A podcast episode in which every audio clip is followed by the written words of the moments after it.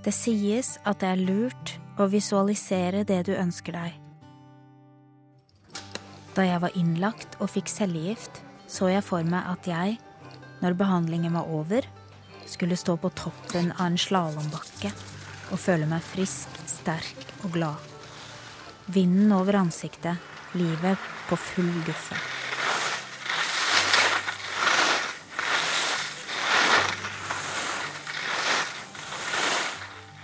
Sikker på at jeg var i bakken, helt til dagens cellegift var over. Jeg lovet meg selv at jeg skulle opp i bakken neste vinter.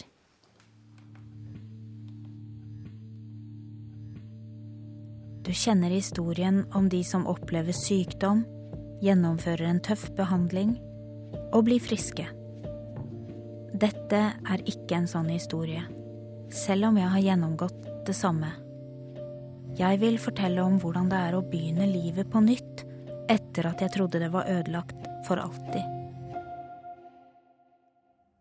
Jeg heter Charlotte og er 45 og ett år gammel i det nye livet mitt.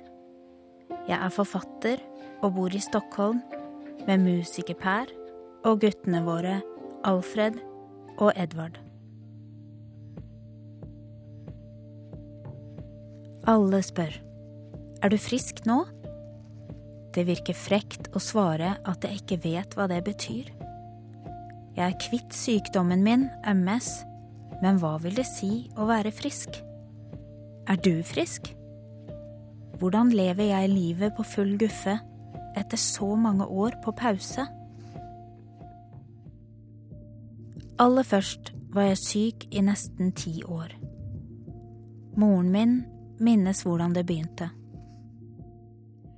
Jeg husker noen sånne små episoder når vi hadde gått et stykke, og du plutselig snublet på sånn litt merkelig måte og trakk liksom det ene benet efter deg litt og sånn, og det syns jeg var veldig bekymringsfullt, altså. Det, det er sånne småhendelser, og sånn at du plutselig måtte Ja, nei, jeg orker ikke det, og sånn. De siste par årene måtte jeg hver dag ha tid til å sove halvannen time etter at jeg hadde vært oppe med mann og barn på morgenen. Det var umulig å gå mer enn én kilometer i strekk før høyrebenet ble tungt, og resten av dagen kunne jeg ikke gå mer. Jeg var alltid nødt til å vite at en do var nær, og jeg måtte skynde meg å lukke øynene når bildene gikk for fort på TV. Som Alfred sier. Det var veldig svårt å liksom ha kul med deg. Smerter, trøtthet og høye gjerder rundt og i livet. Å tenke fremtid gjorde at det sank i magen på meg. Hva var vitsen? Og kunne Per og jeg sammen bære mer? Multiple sklerose er en autoimmun sykdom. Det betyr borgerkrig i immunforsvaret. Det fins mange slike sykdommer. Denne setter seg i hjernen. Nervesignalene blir skadet litt her og der. MS er også kronisk. Det betyr at du har den med deg fra den dagen du får diagnosen til du dør. Sykdommen flytter inn og legger bena på bordet. Jeg gjorde det jeg kunne for å holde meg så frisk som mulig. Fant en unik lege som tenkte helhet. Vitaminer, hvile, kost, terapi og medisinsk yoga ble en del av hverdagen min. Det gikk bra i mange år, så bra at jeg fikk et barn til. Så ble jeg verre, og jeg fylte 40. Fremtiden min lignet på en nedoverbakke. Du gick sådär släpande med sådana skinntofflor som skrapade i golvet lite grann. Så jag hörde liksom att nu kommer Charlotte och nu hör jag att hon är trött och dålig. Och det gav ganska tung energi. Tøfler, sofaen som jeg lå så mye på, og Per. Per og guttene. Livet gikk ikke rundt. Mer og mer desperat saumfarte jeg nettet etter mulige kurer. En dag i 2014 fant jeg flere lukkede fora på Facebook som handlet om stamcellebehandling. Det vil si at du setter i gang et nytt immunforsvar med dine egne ubrukte stamceller som ikke aner at du hadde MS. Tenk på det som en restart av PC-en. Sigrid, som opprettet det norske forumet, var den første jeg fikk kontakt med. Ja. Da hadde hun kommet fra behandling i Moskva. Er det bedre å ta den på, på høyttaler, kanskje? Sigrid bor i Ålesund. Fly er fulle av bakterier og smitte, og immunforsvaret mitt er fortsatt for nytt. Derfor snakker vi på telefon. Siden så har vi også møtt hverandre på det forumet Mm. titt og ofte, og så fulgte jeg dine forbedringer. Jeg glemmer ikke, du la ut et uh, lite videoklipp av at eh, du kunne hoppe. Ja, sant. På Facebook-gruppene fant jeg den informasjonen og støtten jeg trengte. Uten dette hadde jeg ikke visst hva jeg skulle gjøre. Facebook har et eget liv. Her er jo internasjonal grupper i USA, her er i Israel, her er i Singapore. Overalt i verden er det stamcellegrupper. Så kommer det alltid noen som skriver ja, det har jeg også opplevd, eller da må du gjøre sånn og sånn. Ja, det er veldig, veldig mye støtte. Det er helt utrolig. Støtte i gruppene, ja. Jeg kommer på hvor vanskelig det var å få den samme støtten hjemme. Jeg fortalte deg mindre og mindre fordi jeg merket at du hadde ikke helt kapasitet, som jeg i hvert fall tolket som at du ikke var så interessert. Vi hadde ikke så, vi hadde ikke så, så bra kommunikasjon på den tiden, Per. Nei. Da jeg startet kampen for å få behandling, ba Per til min overraskelse om å få bli med på et avgjørende møte. Jeg ble glad, tenkte det var oss to mot nevrologene. Per tok på en fin jakke, men det hjalp lite. Sjefsnevrologen kunne liksom lukte Pers uvitenhet. Han satte øynene i han mens han la ut om risikoen ved en stamcellebehandling. For det fins en risiko de dagene immunforsvaret er slettet før de nye stamcellene fatter hvordan de skal forsvare deg. Du isoleres i én til to uker. Oppstår det en infeksjon i kroppen da, kan det bli farlig, for du har ennå ikke noe immunforsvar. Per ble redd fordi han visste for lite. Jeg fikk nei til behandling, men utsiktene til flere og verre plager gjorde at jeg valgte å fortsette kampen alene. Etter mer enn ett års arbeid fikk jeg til slutt stamcellebehandling i Sverige. Jeg ringte moren min først. Hun hadde vært med hele veien. Jeg tror jeg måtte legge fra meg telefonen, for jeg måtte hoppe litt. Jeg ble så glad.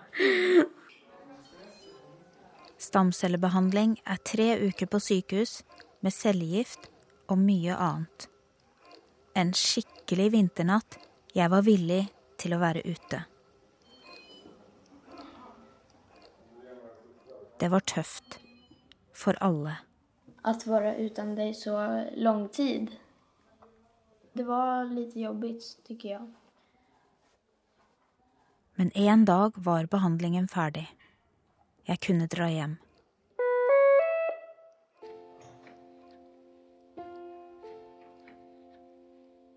Stamcellebehandlingen gjorde meg sykdomsfri. Du var blitt liksom levende. Nå var hjernetåken borte, og jeg kunne plutselig stå på ett ben uten å falle. Du mår ju bättre, det ser man ju på dig. Nå har jeg også opplevd det så strålende at jeg har tenkt ah, Bare hun ikke liksom faller ned, sånn som jeg har tenkt før og vært redd for. Men det gjør du jo ikke. Jeg burde jo bare være glad. Først var jeg det også. Alle dagene inne på sofaen, med sin dyp røde farge, myke, trygge puter, lot den meg hvile. Jeg laget eggerøre til lunsj og så på TV-serier i en hel måned. Så en dag hvilte jeg ikke mer. Sofaen ble stående alene. Den som tidligere hadde huset den syke og siden rehabiliterende kroppen min, sto der som om ingenting hadde skjedd. Det har gått et år siden jeg fikk et nytt immunforsvar, som en nyfødt, men sofaen er her fortsatt. Fra at livet permanent var satt på vent i ti år, har det begynt igjen. Så jeg vil kaste ut sofaen, og jeg vil finne ut av hvordan jeg skal leve på ordentlig igjen. Jeg har lyst på ny sofa fordi det tenker symbolsk at det ville vært så bra å bytte ut sykdomssofaen med en ny. Men jeg syns den vi har er ganske bra, fast den er litt sliten Da. Men for meg har jo ikke den sofaen Den er ikke synonymt med sjukdom og MS på samme sett som for deg. Den kjente følelsen ikke bli forstått. Eller blir jeg det? Vil jeg det? Helst vil jeg bare være ute i verden med Per som vi var før. Og akkurat som om han hører tankene mine. Kommer du å kjenne deg friskere om vi kjøper en ny soffa? Ja. Og siden vi sitter der og prater sykdom og sofa, forteller jeg Per om regnestykket mitt. Da jeg ble restartet i fjor, hadde vi vært sammen i 18 år. Ni av dem bodde MS-en sammen med oss, som en vi måtte ta ekstra hensyn til. Ni år med gjerder på alle kanter. Alt vi ikke fikk gjort. Jeg kjenner den her klassiske at det ikke ble som jeg hadde trott at det skulle bli. Så det fins jo en... noen slags sorg i det. Per har spillejobber ute og skriver musikk hjemme. Etter MS-en satt han mest hjemme. Tenk på alle de brødjobbene du har tatt. Fordi da kunne du sitte hjemme og jobbe. Mm. Og så kunne du unnagjøre det på grei tid. Mm. Sånn at du kunne ta det av oss. Jeg syns det er veldig trist å tenke på. Men det rommet der du har samlet opp alle disse tingene du sa, nei til, er det bitterrommet ditt, eller? Det, det er jo et symbol på missade muligheter. Det er noe man måste bära med seg Som anhörig, tror jeg. Det blir jo en ekstra dimensjon i att välja familjens bästa. Eftersom man måste säga nej till saker som kunde varit spännande för en själv. Jeg er veldig klar over at jeg var 35 da jeg fikk diagnosen. Mm. Men unnskyld meg, Per, jeg har ikke tenkt på at du var 33 Nej. da du fikk en kone med MS. Nej, vad menar du med det? Eller vad...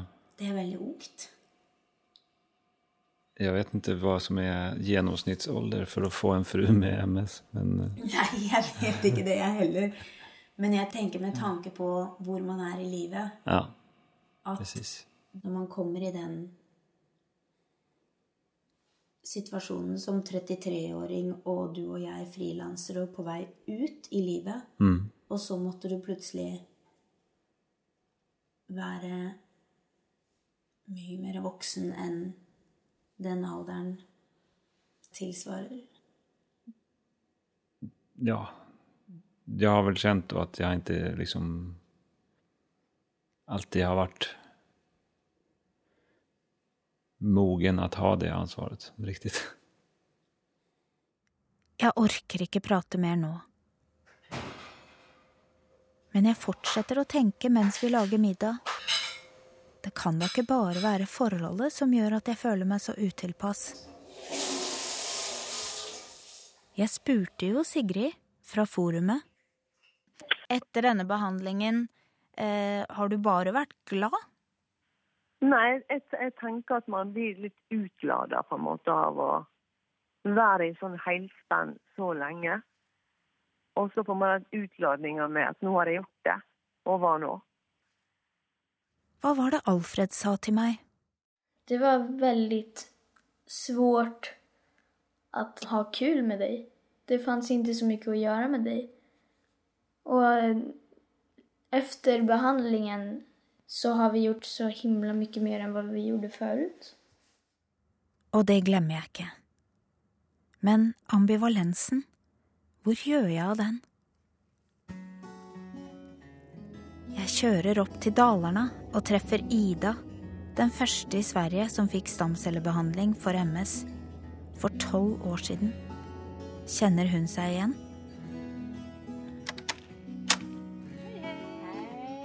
Velkommen. Her bor jag.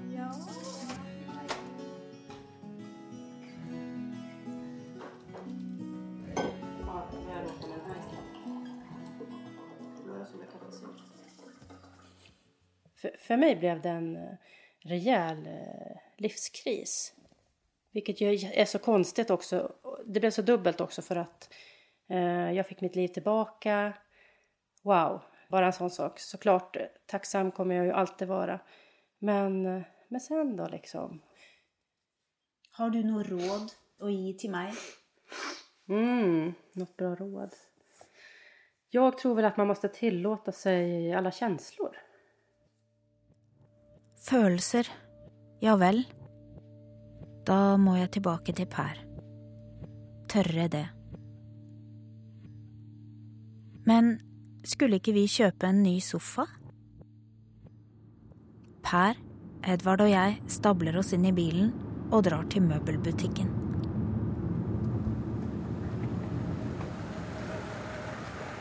Ser du sofaen? Jo, der. Og der. Och det var väldigt många. Det kryr av dem. Blå, grå, beige, lange hjørnesofaer. Toseters, treseters. Med eller uten ekstra nakkeputer. Fotballgale Edvard er ute etter noe bestemt. Den, ikke den är ut särskilt som et riktig mål. Du skal bare ha en sofa som er bra mål du. Hä? Så lar vi muligheter og pris ta over. Den kunde stå ut.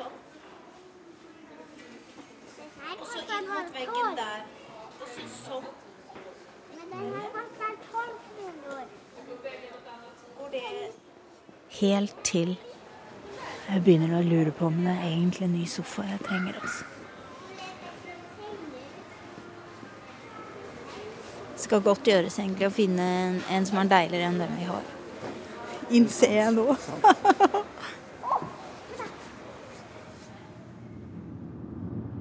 Vi drar hjem uten sofa. Det er greit. Det ble for stort, eller kanskje er det praten med Per som jeg vet må tas først, før vi kan avgjøre noe som helst. Når det er blitt kveld og barna sover, setter vi oss ned igjen. Nå vil jeg snakke om noe annet. Nå vil jeg snakke om noe annet, altså. Og det er eh, skyldfølelse. Jeg har forstått at du har hatt like mye skyldfølelse fra din kant som jeg har hatt fra min kant. Skyldfølelsen vi har druknet i de siste mange årene. För det første så har jeg jo vært frisk hele tiden. Du har jo fått alt. Redan fra vi träffades så hadde, var det du som hadde migrener, og du fikk en depression og så har vært gravid og det var ju fint også, Men det er du som har fått allting og sen så fikk du da MS. Og jeg har bare kunnet på ett sätt surfa på som vanligt. Sen har jag ju haft skuldkänslor för det som jag... För mina egna känslor omkring det. Att jag inte har kunnat göra saker som jag hade lust att göra. Eller att jag fick tacka nej till jobb eller att... Ja. Att, att jag tycker att det, att det suger att du ligger hemma och bara måste ligga där. Och att jag inte vet riktigt vad jag ska ta vägen själv. Jag vill ju hjälpa dig och finnas till hands med en annan del av mig har väl bara lust att sticka iväg någonstans. Liksom. Sådana känslor. Og jeg har hatt eh, skyldfølelse for at jeg har lagt en demper på hele vårt liv. Og at jeg har blitt mye mer enn jeg ville. At din trengende kone, som når du kom med lysende øyne og fortalte om en ny jobb, møtte deg med engstelse. Og i bunnen så handler det jo også om at jeg har skyldfølelse for at jeg fikk MS, da. Ja, jeg kjente skyld for å ha pådratt meg en sykdom. Jeg hører hvor tullete det er. Men skyldfølelsen som kom etter å ha kriget for en behandling som skulle gjøre meg frisk, når jeg ikke kan svare på om jeg er det, vet jeg ennå ikke hvor jeg skal gjøre av. Stamcellebehandlingen er avansert. Programvaren min er blitt reinstallert. Da forventer alle også at vi som får behandlingen, blir helt friske. Mange blir det. Den autoimmune sykdommen denger ikke lenger løs på oss. Men noen skader kan ha oppstått mens den var i kroppen, og disse blir vi ikke kvitt. Sigrid fra forumet fikk et kjempeattakk som tok bena hennes, som hun sier. Hun ble avhengig av rullator til alt. Nå, over to år senere, går hun igjen, men likevel ikke så godt som før. Så hvis jeg skal ut og handle, og sånn, så kjenner jeg alltid på Oi, nå skal jeg inn på en butikk. Og når jeg er inn på en butikk, så går jeg alltid dårligere enn jeg går på veien. For da er det mer sånn eh, svinger og mye folk og sånn, og da mister jeg balansen veldig fort. Så da blir jeg veldig ustø. Og det stresser jeg meg, for jeg tenker å herregud. Mm. Nå har det nettopp stått i avisa og fortalt hvor bra det går. sånn. Mm. Og så kommer det sjanglende på Meny. Men nå går jeg altså Sist gang jeg målte hvor langt det gikk, så gikk jeg altså fire kilometer. Ja. Og fra å kunne gå ned til postkassen og opp igjen, så er det ganske stort. Ja. For man må bare kjenne etter på på hva er bra nok. Frisk nok, kan man si. Ja. Vi må altså innfinne oss med at frisk nok er bra nok, og dessuten hamle opp med redselen for at vi kan få MS igjen. Det er bare en liten sjanse for at det skjer, men det kan skje. Da jeg pratet med Ida i Dalarna, møttes vi på følgende teori. Det tog 31 år för mig att få det. Tänk om det tar 31 år igen för det nya immunförsvaret. Så har jag faktiskt tenkt. Mm. Ja. ja. Nei, men jeg har tenkt det samme som deg. Det vi har gjort, er å kjøpe oss tid, og så får vi se hvor mye tid det ja. er. Jo, men lite krasst. Ja. Ja. ja. ja.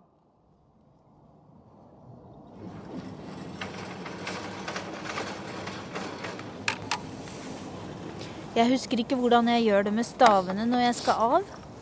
Jeg skal ikke ha de i Du skal ha dem fremfor deg. sånn. Hva? Vi sitter i stolheisen i Flåttsbro skibakke utenfor Stockholm. Jeg hadde ikke tenkt på at jeg kom til å være så nervøs. jeg hadde tenkt at det bare skulle være sånn seiersfølelse. Å, herregud!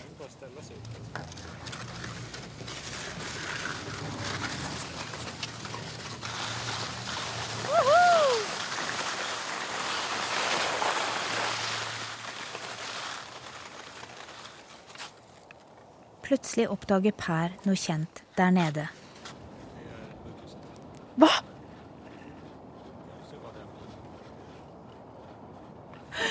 Å stå å se på sykehuset og gjøre det som jeg drømte om da jeg lå der. Haha.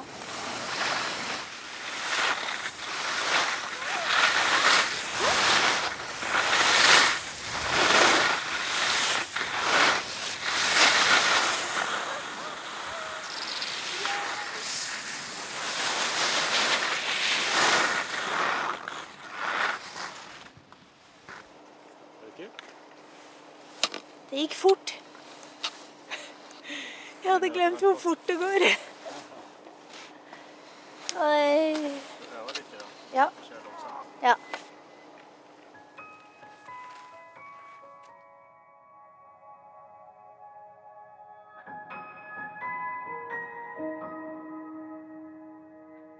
Det kunne man nesten tro.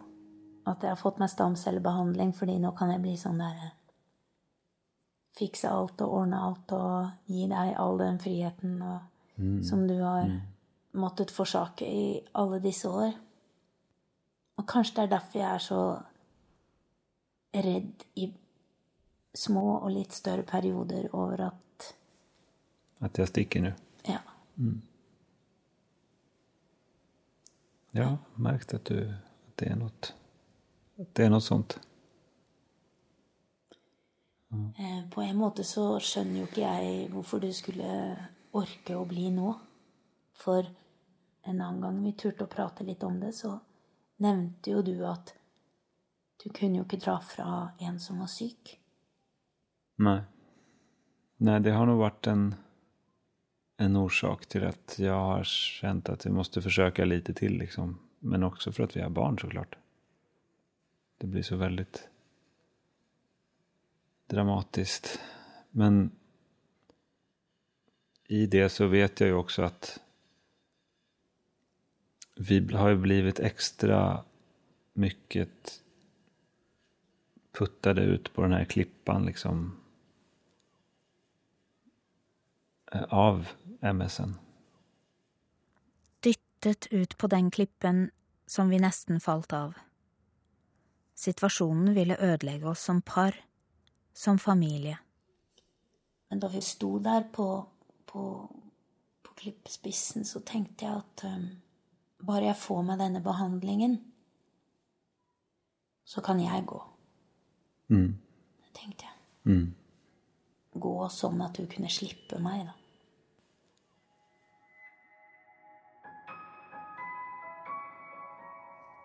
Vi sier god natt og sover hver for oss. Det er så enkelt å si at det er fordi jeg er forkjølt og hoster.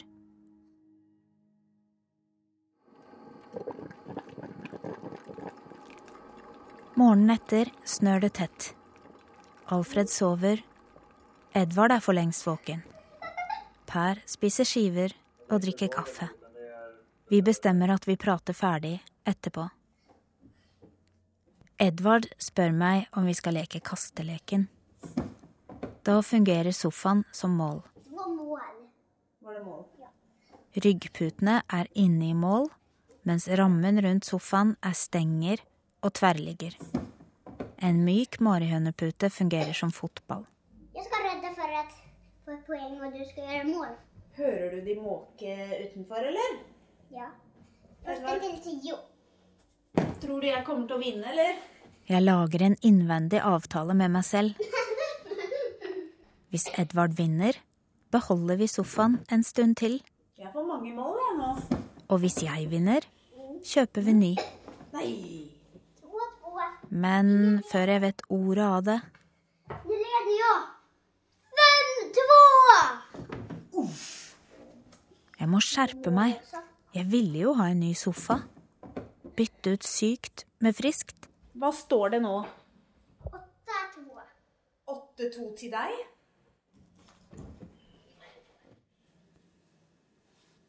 Hva tror du har skjedd med familiemedlemmet MS? Någon skugga finns det ju kvar, känner jag. Men den är mindre och mindre. Och den består kanske ofta i att vi är så vana vid att ta hänsyn till den. Att det sitter i som ett mönster. Som vi så småningom kommer att få bort kanske helt. Hoppas jeg.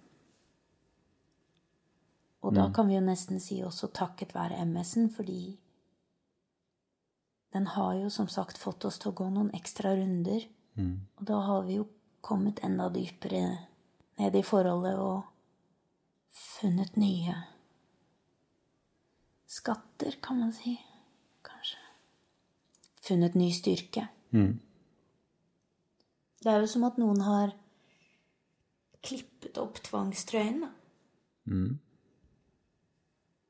Nu har jag liksom en känsla av att saker kan hända igen. Och att vi kan låta det hända. Har du det på ordentlig? Ja. Kult. For det er jeg òg. Mm. Ni to? Jeg vil bare et mål til. Nei, nå vant du, da. 10-2. Ja, det er så fint. Ja. Det har aldri vært så fint å tape som nå. Gjennom sykdom, veien ut av den og alle de tankefulle dagene etterpå har jeg forstått at den vanlige hverdagen er livet på full guffe. Er jeg en frisk ettåring? Jeg er oppe fra morgen til kveld. Jeg kan gå to kilometer i strekk før høyrebenet blir tungt. Hviler jeg litt, kan jeg gå mye lenger på en dag. Jeg må bare av og til vite at en do er nær. Og jeg trenger ikke skynde meg og lukke øynene når bildene går fort på TV. Som de sier her i Sverige, det bjuder jeg på. Så lenge monsteret MS er stoppet. Det är som ett tomt rum som i, i, din, i din själ där massa fina saker har tagit sin plats. Mener du at, eh, at jeg hadde et rom i meg som var tomt før? Nej, det var fyllt med MSD. Og Och det har de tagit bort nu. Och sen har de ersatt masse massa underbara saker istället. Hvem har gjort det? Det, det är vi. Ja, ikke sant? Right.